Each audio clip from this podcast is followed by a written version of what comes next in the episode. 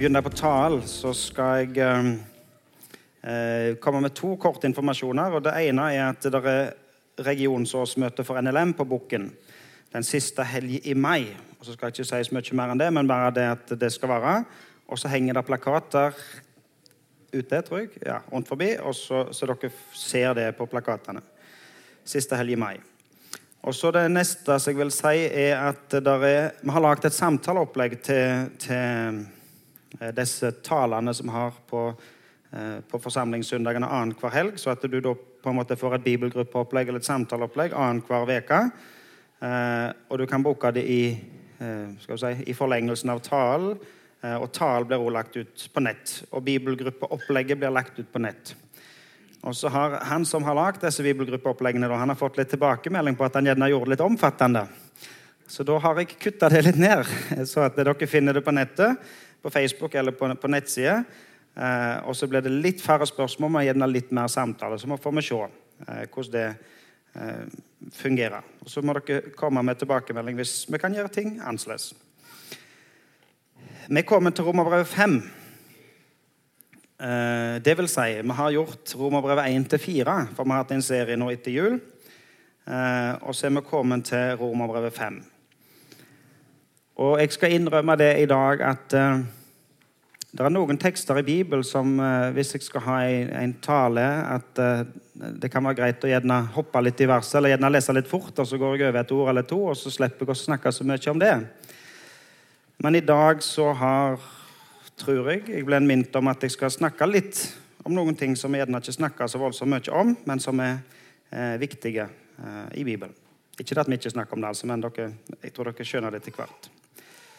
Vi har kommet til Romerbrevet 5, og vi har hørt om Guds rettferdighet. Guds rettferdighet som vi får av tru. Som ingen har gjort seg fortjent til, som ingen kan skryte av at de fikk noe til. For det er Gud som gir. Gud gir alle som tror, del i sin ufortjente nåde. Og I kapittelet før så hørte vi om hvordan Gud regna.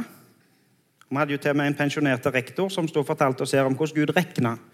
Og fortalte at Gud regna den som tror på Jesus, for å være rettferdige. Og I dag så skal vi få høre om Guds kjærlighet. Om hvordan og når og på hvilken måte Gud gir oss del i sin kjærlighet. Det er en elleve vers i teksten, men jeg hopper fra vers 1 og til vers 5. Ikke fordi at ikke de versene imellom er viktige, men for å prøve å korte ned teksten litt. Eh, vi leser Romerbrev 5, 1, vers 1, og så fra vers 5 til vers 11. Der står Da vi altså er blitt rettferdige ved tro, har vi fred med Gud ved vår Herre Jesus Kristus. Og håpet skuffer ikke, for Guds kjærlighet er utøst i våre hjerter ved Den hellige ånd, som Han har gitt oss. Mens vi ennå var svake, døde Kristus for ugudelige da tiden var inne. Selv for et rettskaffent menneske vil vel neppe noen gå i døden. Eller kanskje noen ville gjøre, kanskje ville noen gjøre det for en som er god. Men Gud viser sin kjærlighet til oss ved at Kristus døde for oss mens vi ennå var syndere. Når vi nå er blitt rettferdige ved Kristi blod, hvor mye mer skal vi ikke da gjennom Han bli frelst fra vreden. For mens vi ennå var Guds fiender, ble vi forsonet med, med ham ved hans sønns død.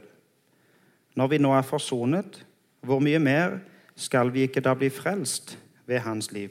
Ja, ikke bare det, vi har også vår stolthet i Gud ved vår Herre Jesus Kristus, Han som har gitt oss forsoningen.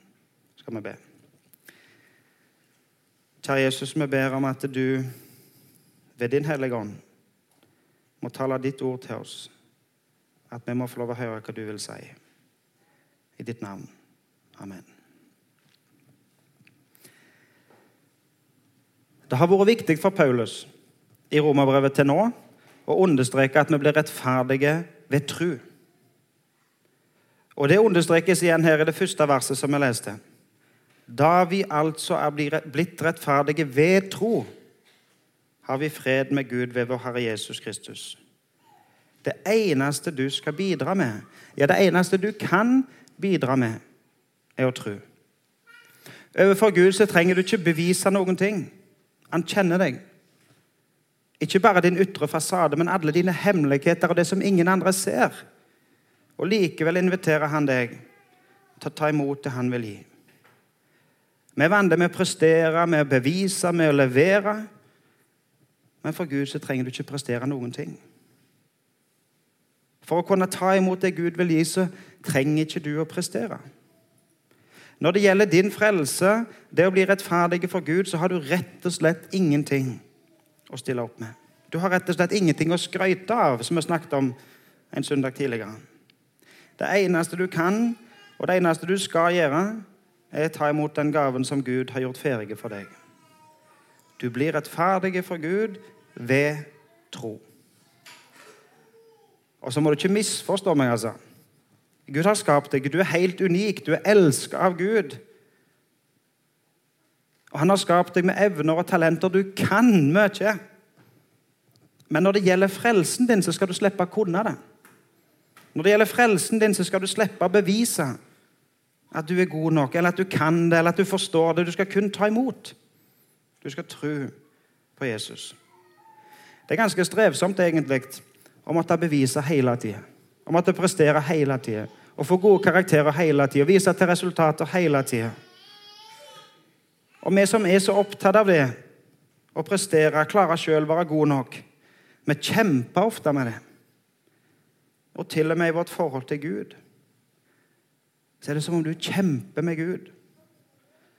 Men hør nå, du som tror på Jesus. Når du er blitt rettferdige ved tru, så har du fred med Gud. Ingen kamp lenger. Fred med Gud. Kampen er over. Seieren er vunnet, for Jesus vant. Og han seier over alt som sto imellom deg og Gud. Alt det som skilte deg fra Gud, det seira Jesus over når han døde på korset for deg. Og din kamp og dine nederlag, din egoisme, dine feil, dine mangler, dine synder, alt tok Jesus på seg. Og han tilintetgjorde alt det som var gale, det som sto i veien, når han vant seieren på korset.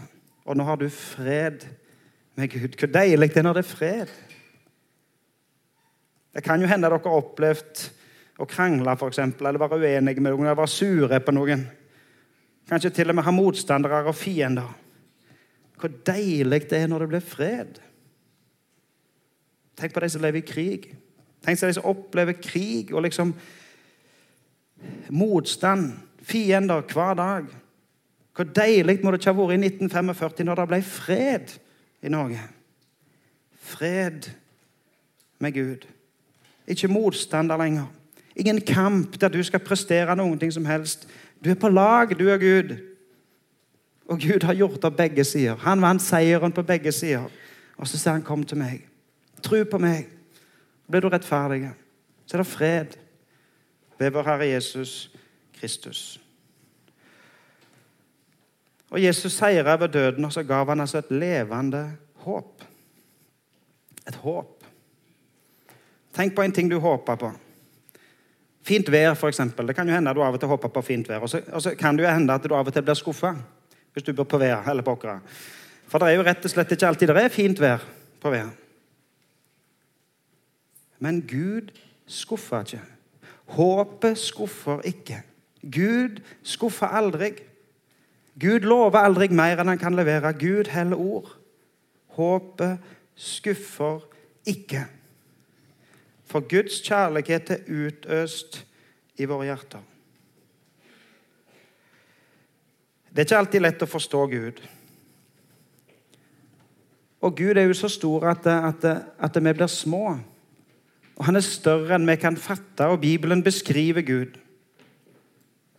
Og den allmektige Gud, som er fra evighet av, han sier vi at det er den treenige Gud. Han er tre personer i én. Han er Fader, Sønn og Ånd.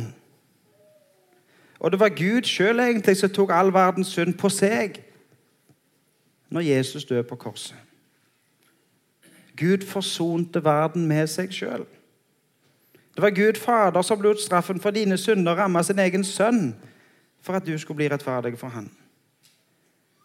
Og det var han, Gud, som reiste Jesus opp ifra døden for å gi oss et evig håp.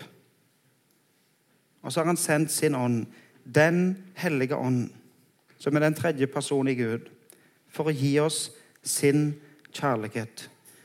Guds kjærlighet utøst i våre hjerter ved Den hellige ånd.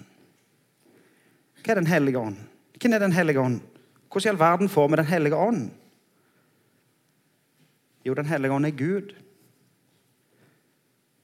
Og Gud sjøl bor ved troen i deres hjerter.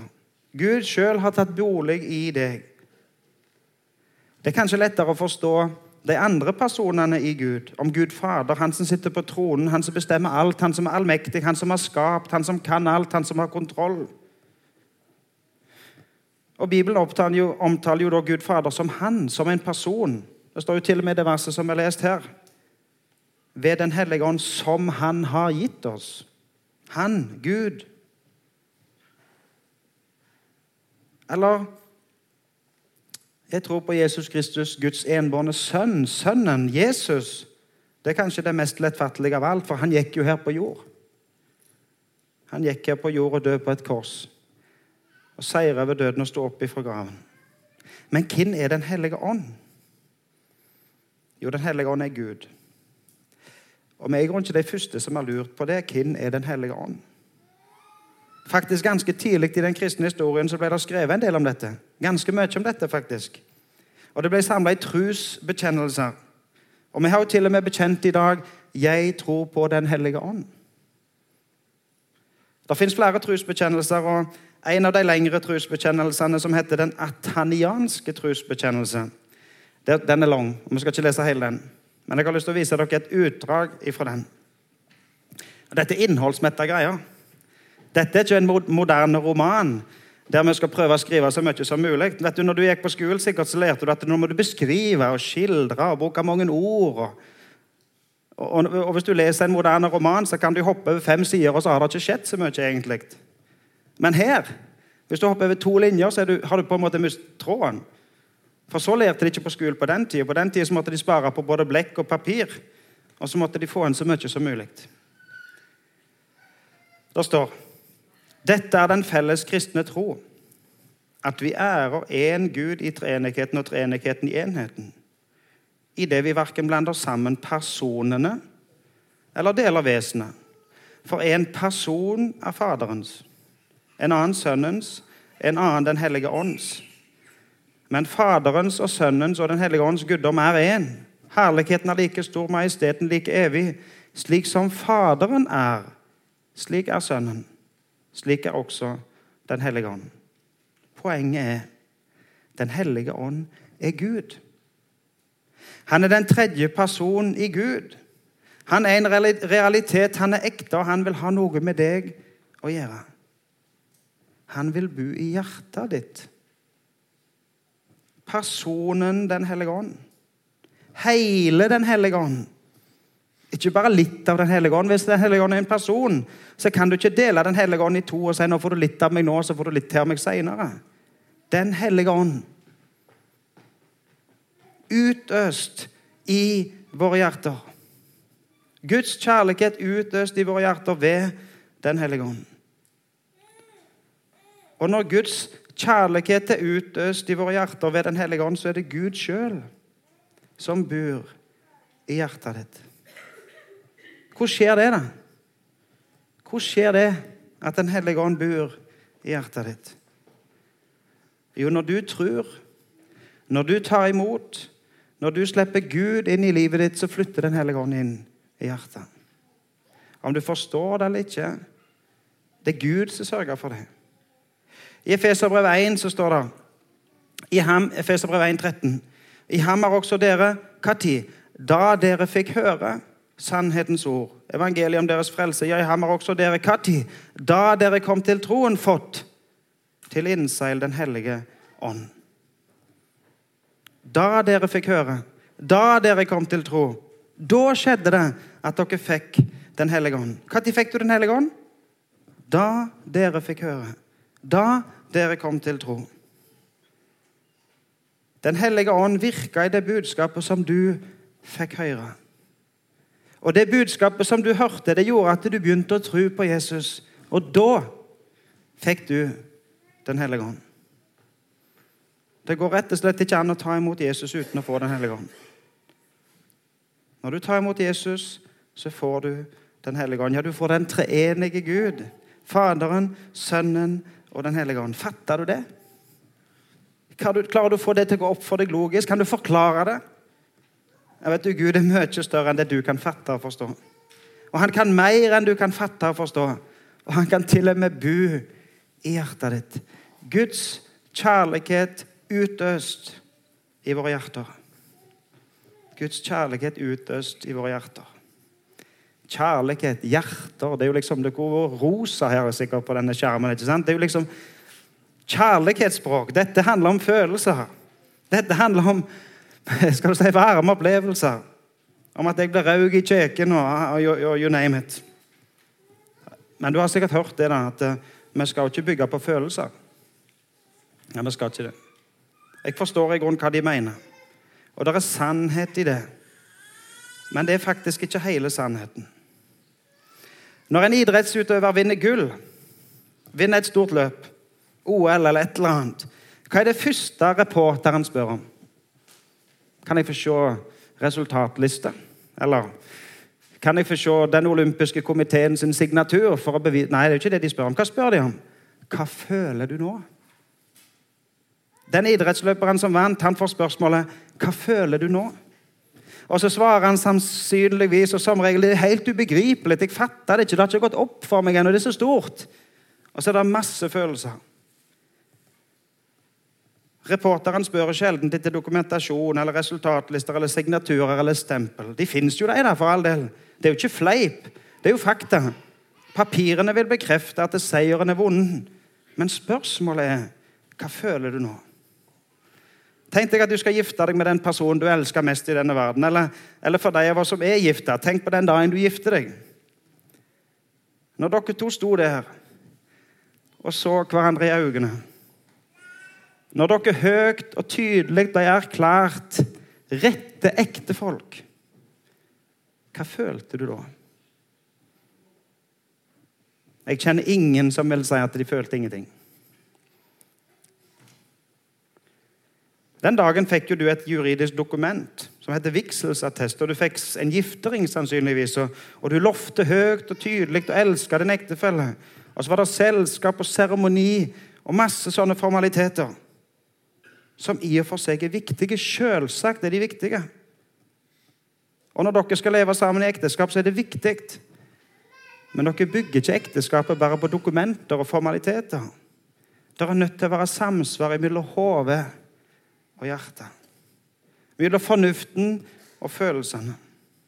Og så svinger følelsene våre. Nå skal ikke jeg gå inn på dette her med ekteskap, det kan du Synnøve ta seg av. Men, men, men, altså, følelsene svinger, og ekteskapene våre altså, Poenget mitt er selv om følelsene våre svinger, så blir ikke ekteskapet ugyldig for det. For det ligger jo mer i bånn. Du skal ikke bygge på følelser.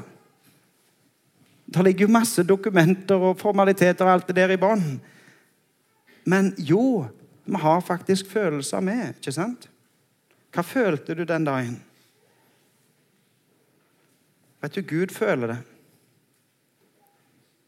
Selv om dine følelser svinger, så er Guds kjærlighet til deg konstant. Og han føler. Og han vil at du skal føle. Og han vil vise det til deg, og våre dokumenter og våre formaliteter er bare småtteri i forhold til det Gud dokumenterer overfor deg. Vet du hva Gud gjorde? Mens vi ennå var svake, døde Kristus for ugudelige da tiden var inne.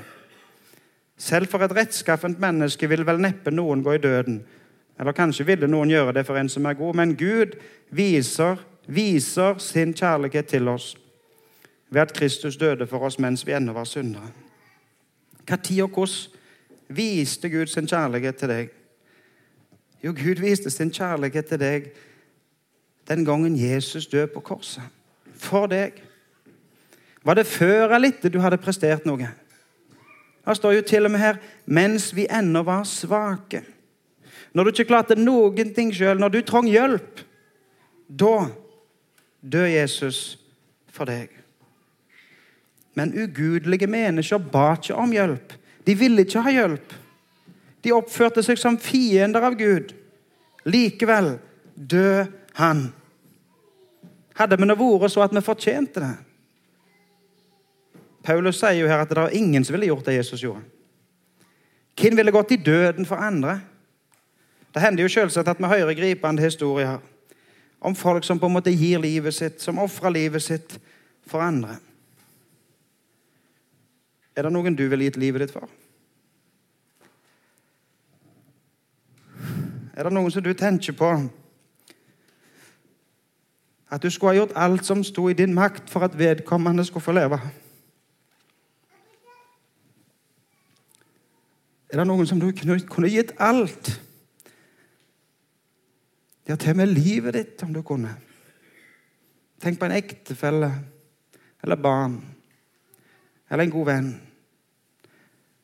Om du bare kunne gitt et organ, hjertet ditt, om det hadde gått an, så at han som er sjuk, kunne blitt frisk. Tenk på den personen. En som du ville gitt livet ditt for. Hva om det var en person som du ikke kjente? Hva om det var en person som du mislikte, kan hende? Hva om det var en person som du hadde gjort vondt imot deg? Vet du, den personen var det Jesus døde for.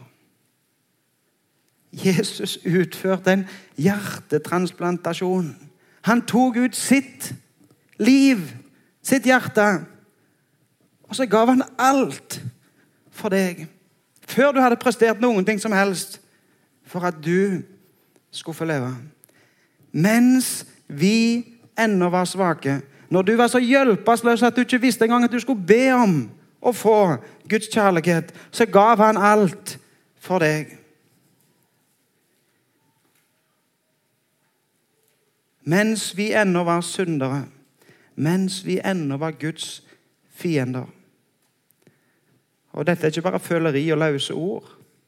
Dette er fakta. Dette er dokumentasjon. Dette er stempel og signatur. Gud har ikke bare gitt oss løfter som, som vi kanskje lurer på gjerne om han vil innfri. Blir det fint vær i morgen? Gud er ikke sånn. Gud har gitt oss beviset. Han har skrevet dokumentene, han har stempla og signert. Jesus døde på korset, og det er den historiske fakta. Og han døde til og med for å frelse de som den dagen ropte 'korsfest'. Mens vi ennå var svake, mens vi ennå var syndere, mens vi ennå var Guds fiender. Se på vers 8 her. En underlig setning. Ser du at verbene i denne setningen står i forskjellige tid? Det står Gud viser i nåtid. Gud viser sin kjærlighet til oss ved at Kristus døde i fortid. Døde står i fortid, viser står i nåtid. Det skjedde noe i fortid som får konsekvenser i nåtid. Vi kan jo gjøre det. Da. Du kan jo f.eks. si Når du har vært på godhet, så kan du si at uh, huset er kvitt for jeg malte huset kvitt. ikke sant? Eller i forrige uke malte jeg huset kvitt, og nå er det kvitt'. I dag viser Gud sin kjærlighet til deg ved det som skjedde når Jesus døde på korset. Det som skjedde den gangen når Jesus døde på korset, det blir en realitet for deg i dag, og på den måten viser Gud sin kjærlighet til oss. Du som tror du er rettferdige for Gud. Vi er blitt rettferdige ved tro. Romerbrevets hovedbudskap rettferdige ved tro. Vi er blitt rettferdige ved Kristi blod. Ved at Jesus død for deg, så ble du rettferdige for Gud. Hva er sammenhengen? Hva er sammenhengen mellom vers 5 om Guds kjærlighet som er utøst i våre hjerter ved Den hellige ånd, og kunnskapen om det Jesus har gjort for deg, det historiske fakta? Hva er sammenhengen i med dette kjærlighetsspråket og hjertespråket og følelsesspråket og det er fakta at Jesus døde for deg. Det kan fort bli ubalanse her. Vi kan fort henge oss opp i følelser og stemning. Og så bygger vi på det. Og så setter vi vår lit til det vi føler i vårt indre.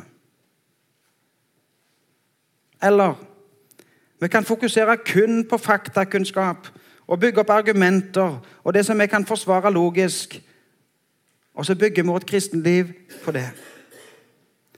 Min påstand i dag er at et sunt kristenliv leves i balansen mellom følelser og fakta.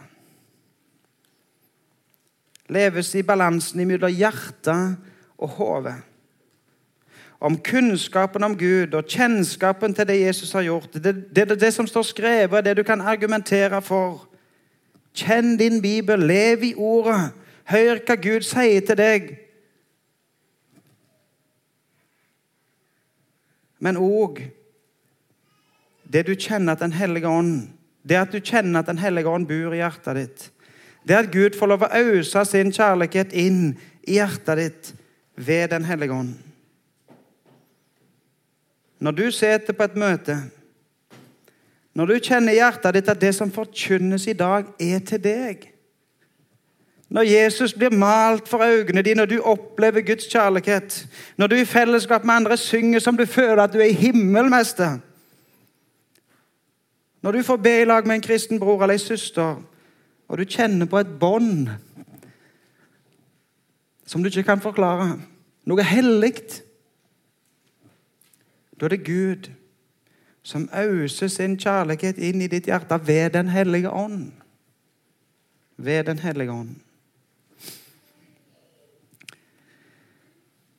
Jeg har lyst til å lese noen vers fra Efeserbrevet 3. Og Når jeg har lest de versene fra Efeserbrevet 3, så vil jeg be en bønn. Og så skal Kari synge en sang. Og Når Kari synger den sangen, så skal du høre ordene hun synger. Til deg. Om Guds kjærlighet inn i hjertet ditt. La Gud få lov å bruke den sangen, de ordene, til å røre med hjertet ditt.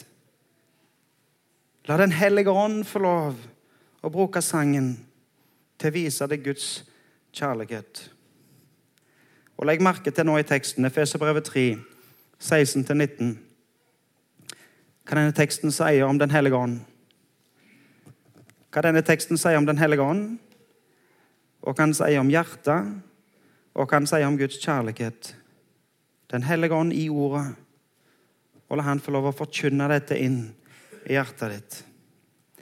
Må Han som er så rik på herlighet, gi deres indre menneske kraft og styrke ved sin ånd. Må Kristus ved troen bo i deres hjerter. Og dere står rotfestet og grunnfestet i kjærlighet. Må dere sammen med alle de hellige bli i stand til å fatte bredden og lengden, høyden og dybden, ja, kjenne Kristi kjærlighet, som overgår all kunnskap. Må dere bli fulgt av hele Guds fylde. Kjære Jesus.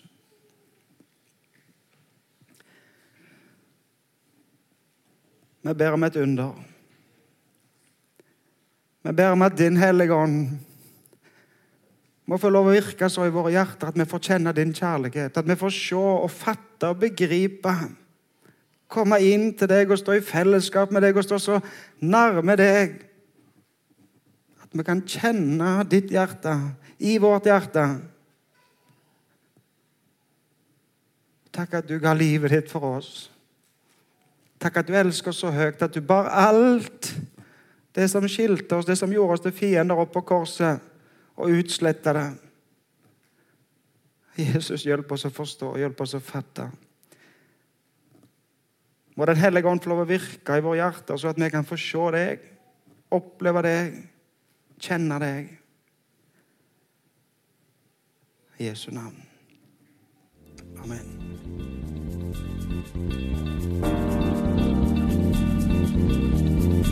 Thank